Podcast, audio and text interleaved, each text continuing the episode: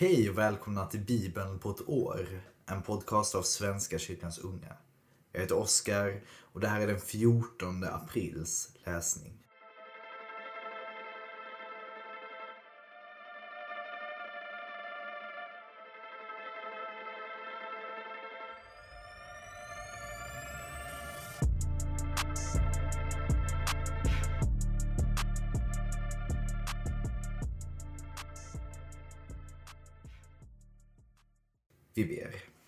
Tack Gud för idag.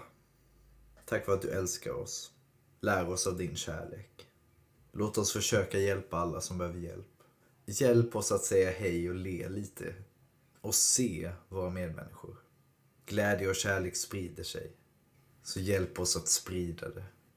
Och var med i dagens läsning. I Jesu namn. Amen. Vi börjar i Josua kapitel 9, vers 3 till kapitel 10, vers 43. Men när folket i Givon hörde talas om vad Josua hade gjort med Jeriko och Ai tillgrep de för sin del en list. De försåg sig med färdkost, lastade sina åsnor med gamla säckar och gamla spruckna och lappade vinläglar och satte på sig slitna lagade sandaler och slitna kläder och brödet de tog med sig var torrt och smuligt. Så begav de sig till Josua i lägret i Gilgal och sade till honom och israeliterna. Vi kommer från ett land långt borta. Slut förbund med oss. Israeliterna svarade Hivena. Ni kanske bor här i närheten. Hur skulle vi då kunna sluta förbund med er?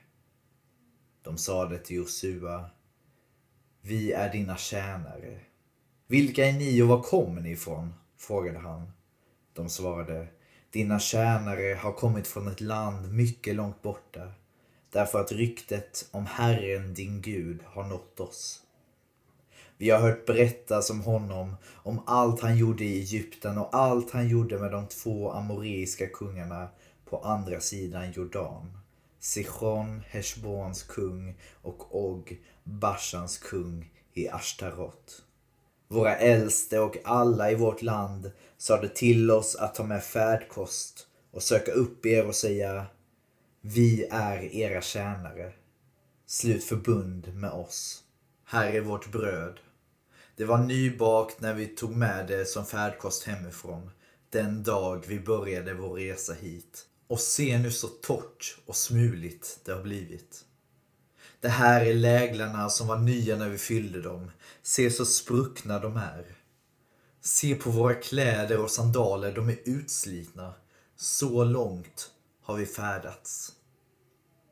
Då tog ledarna emot av deras färdkost utan att rådfråga Herren. Josua slöt ett fredsförbund med dem och lovade att de skulle få leva. Ledarna för menigheten bekräftade det med ed. Tre dagar efter det att förbundet slutits fick israeliterna veta att givoniterna var deras grannar och bodde alldeles i närheten. Då bröt de upp och kom på tredje dagen fram till deras städer Givon, Kefira, Beerot och Kiryat Jeharim. Men israeliterna dödade dem inte. På grund av den ed som menighetens ledare hade svurit dem vid Herren Israels Gud.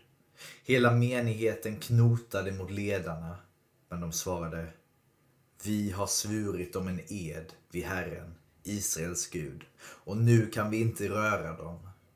Så här gör vi. Vi låter dem leva, så drabbar oss ingen vrede för eden vi svor dem. De får leva, sade ledarna, men de får hugga ved och bära vatten åt hela menigheten, och menigheten lydde sina ledare. Josua kallade till sig givoniterna och sade Varför lurade ni oss?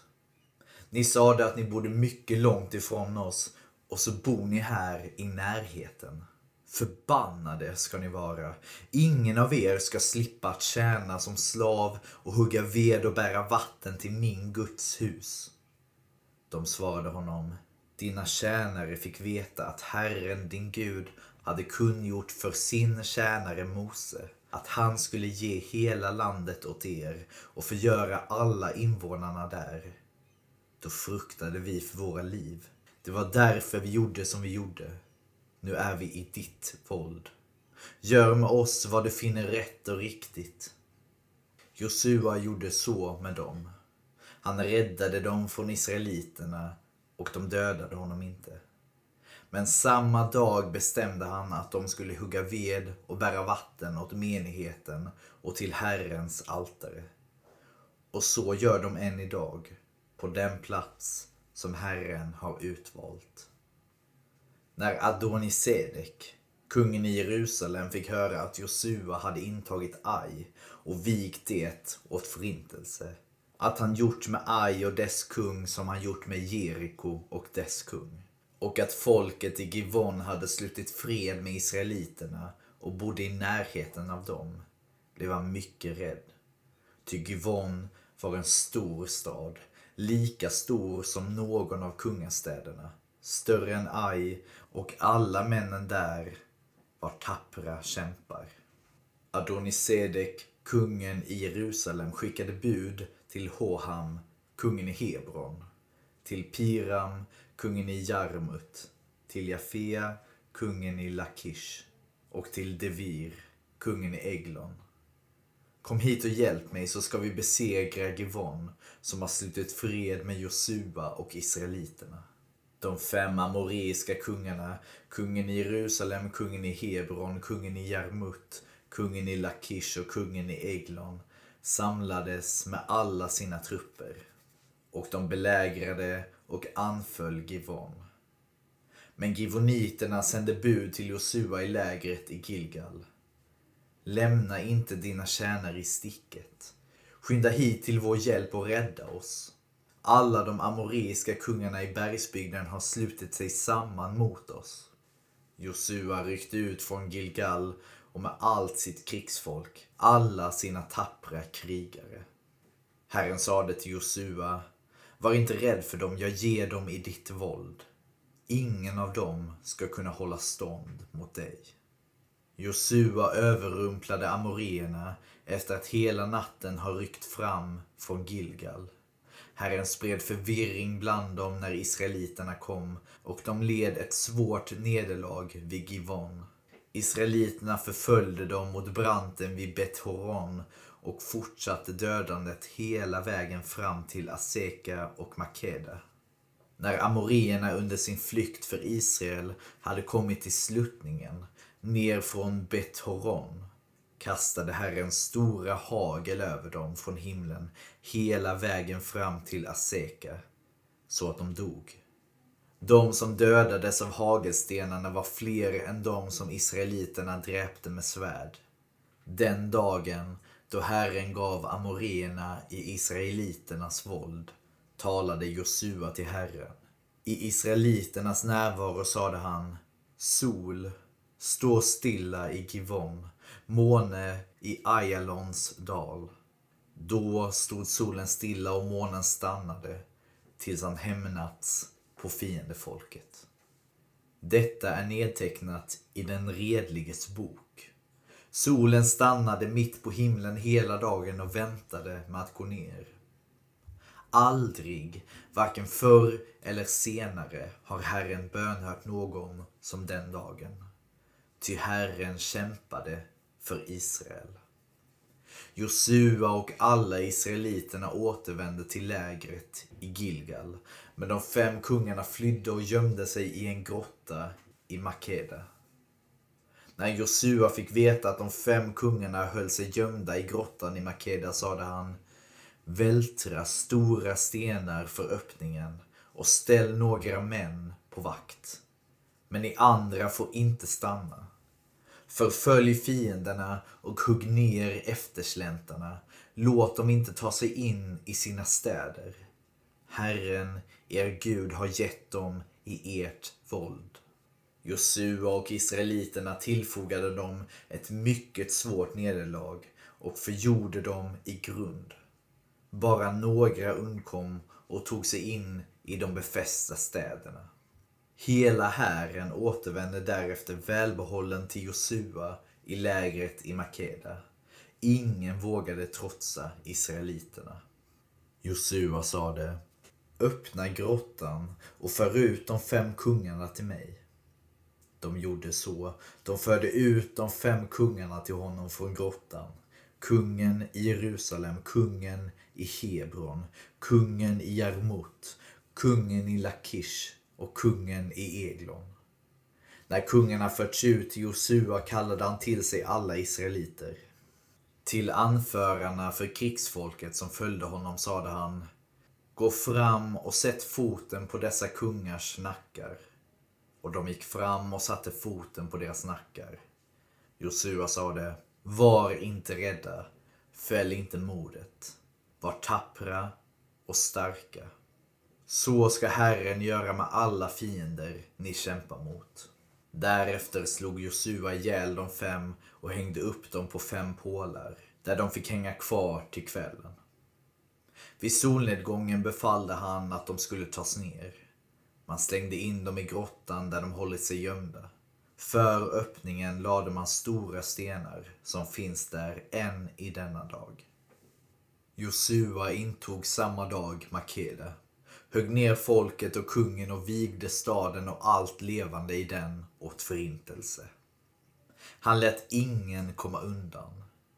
Med kungen i Makeda gjorde han som han gjort med kungen i Jeriko. Från Makeda fortsatte Josua och israeliterna till Livna, som han anföll. Även Livna och dess kung gav Herren i Israels våld. Josua högg ner folket och allt levande i staden. Han lät ingen komma undan. Med kungen där gjorde han som han gjort med kungen i Jeriko. Från Livna fortsatte Josua och israeliterna till Lakish, som han belägrade och anföll. Herren gav Lakish i Israels våld och nästa dag intog Josua staden. Han högg ner folket och allt levande i staden, alldeles som han hade gjort i Livna. Då ryckte Horam, kungen i Geser, ut för att undsätta Lakish. Men honom och hans här slog Josua så grundligt att ingen kom undan. Från Lakish fortsatte Josua och israeliterna till Eglon, som de belägrade och anföll. De intog staden samma dag och högg ner folket. Josua vigde denna dag allt levande i staden åt förintelse, alldeles som han hade gjort i Lakish. Från Eglon drog Josua och israeliterna vidare till Hebron, som de anföll. De intog staden och högg ner folket och kungen och allt levande där, liksom i alla underlydande städer. Josua lät ingen komma undan. Han gjorde som han hade gjort i Eglon. Han vigde Hebron och allt levande där åt förintelse. Därefter vände Josua och israeliterna tillbaka mot Devir som han anföll. Han intog staden med dess kung och alla underlydande städer, högg ner folket och vigde allt levande åt förintelse. Josua lät ingen komma undan. Han gjorde med Devir och dess kung som han gjort med Hebron och med Livna och dess kung. Josua erövrade hela landet, bergsbygden och Negev, låglandet och branterna och besegrade alla dess kungar. Han lät ingen komma undan. Han vigde allt levande åt förintelse, så som Herren, Israels Gud, hade befallt. Josua erövrade landet från Kadesh Barnea till Gaza samt hela Goshenområdet fram till Givon. Alla dessa kungar och länder underkuvade han på en enda gång. Ty Herren, Israels Gud, kämpade för Israel. Josua och israeliterna återvände sedan till lägret i Gilgal. Krig, krig, krig. Men krig, det är ju något som hänt under alla tider, tänker jag. Sen är det viktigt att tänka att det är alltid segraren som får berätta vidare. Och då vill man ju gärna kanske överdriva lite. Så tänker jag att det har gjorts i all tid liksom. Jag tänker att liksom som för mig som är skåning så jag har ju aldrig riktigt hört historien om Skåne utifrån Skånes perspektiv utan alltid från Sveriges perspektiv. Och det är ju ändå spännande på något sätt hur, hur historien berättas vidare. Vi fortsätter i Lukas evangeliet kapitel 16, vers 19 till kapitel 17, vers 10. Det var en rik man som klädde sig i purpur och fint linne och levde i fest och glans var dag. Men en tiggare som hette Lazarus låg vid hans port full av sår och önskade att han fick äta sig mätt på resterna från den rike mannens bord. Hundarna kom till och med och slickade på hans sår. Så dog tiggaren och fördes av änglarna till platsen vid Abrahams sida. Den rike dog också han och begravdes.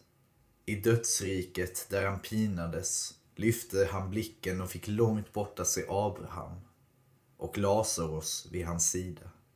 Då ropade han Fader Abraham, förbarma dig över mig och skicka Lazarus att doppa fingerspetsen i vatten och fukta min tunga.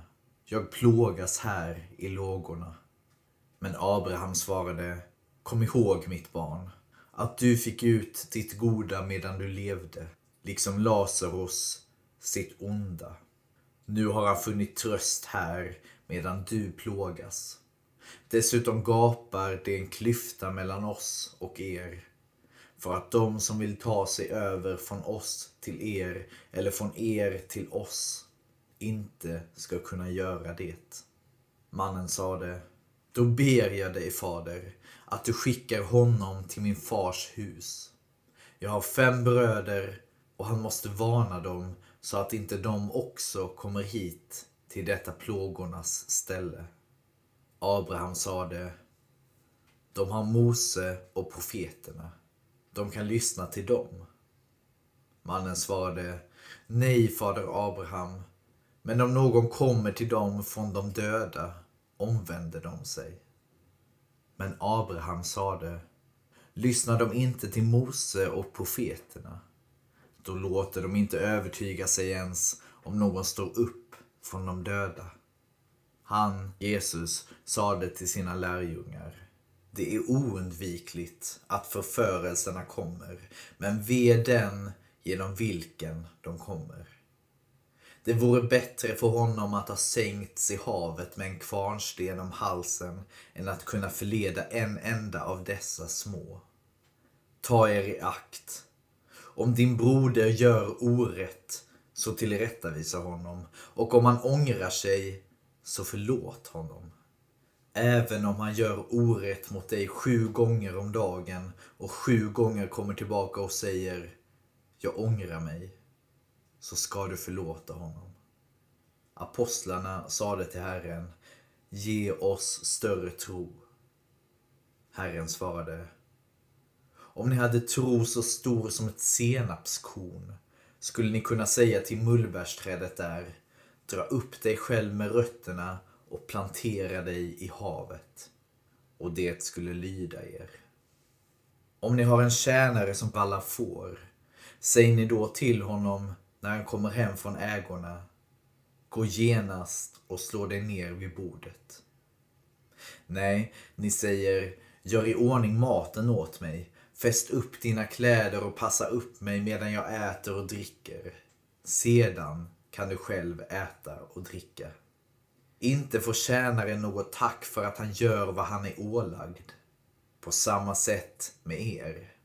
När ni har gjort allt som ålägger er ska ni säga vi är odugliga tjänare. Vi har bara gjort vad vi är skyldiga att göra. Ja, vilka spännande texter här i Lukas evangeliet. Det får vi begrunda tillsammans, tänker jag. Vad betyder det för oss här och nu?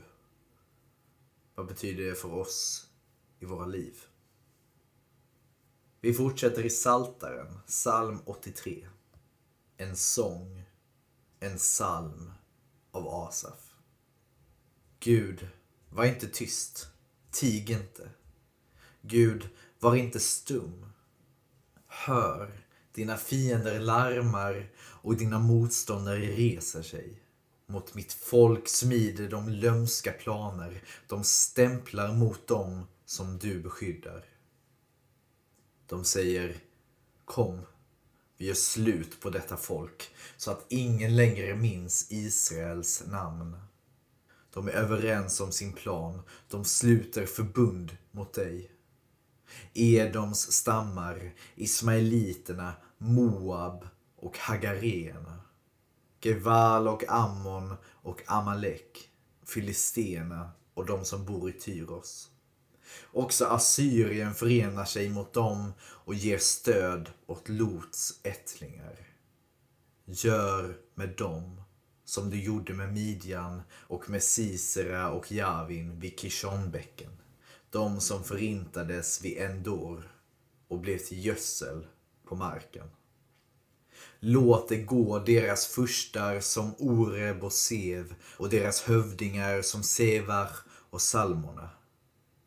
Ty de säger, Guds betesmarker vill vi göra till våra. Min Gud, låt dem bli som tisteldun som agnar i vinden. Som när elden bränner ner skogen och lågorna sveder bergen. Så må du jaga dem med din storm och förskräcka dem med ditt oväder. Låt dem stå där med skam så att de söker sig till dig, Herre. Må de känna blygsel och skräck för evigt och gå under i smälek.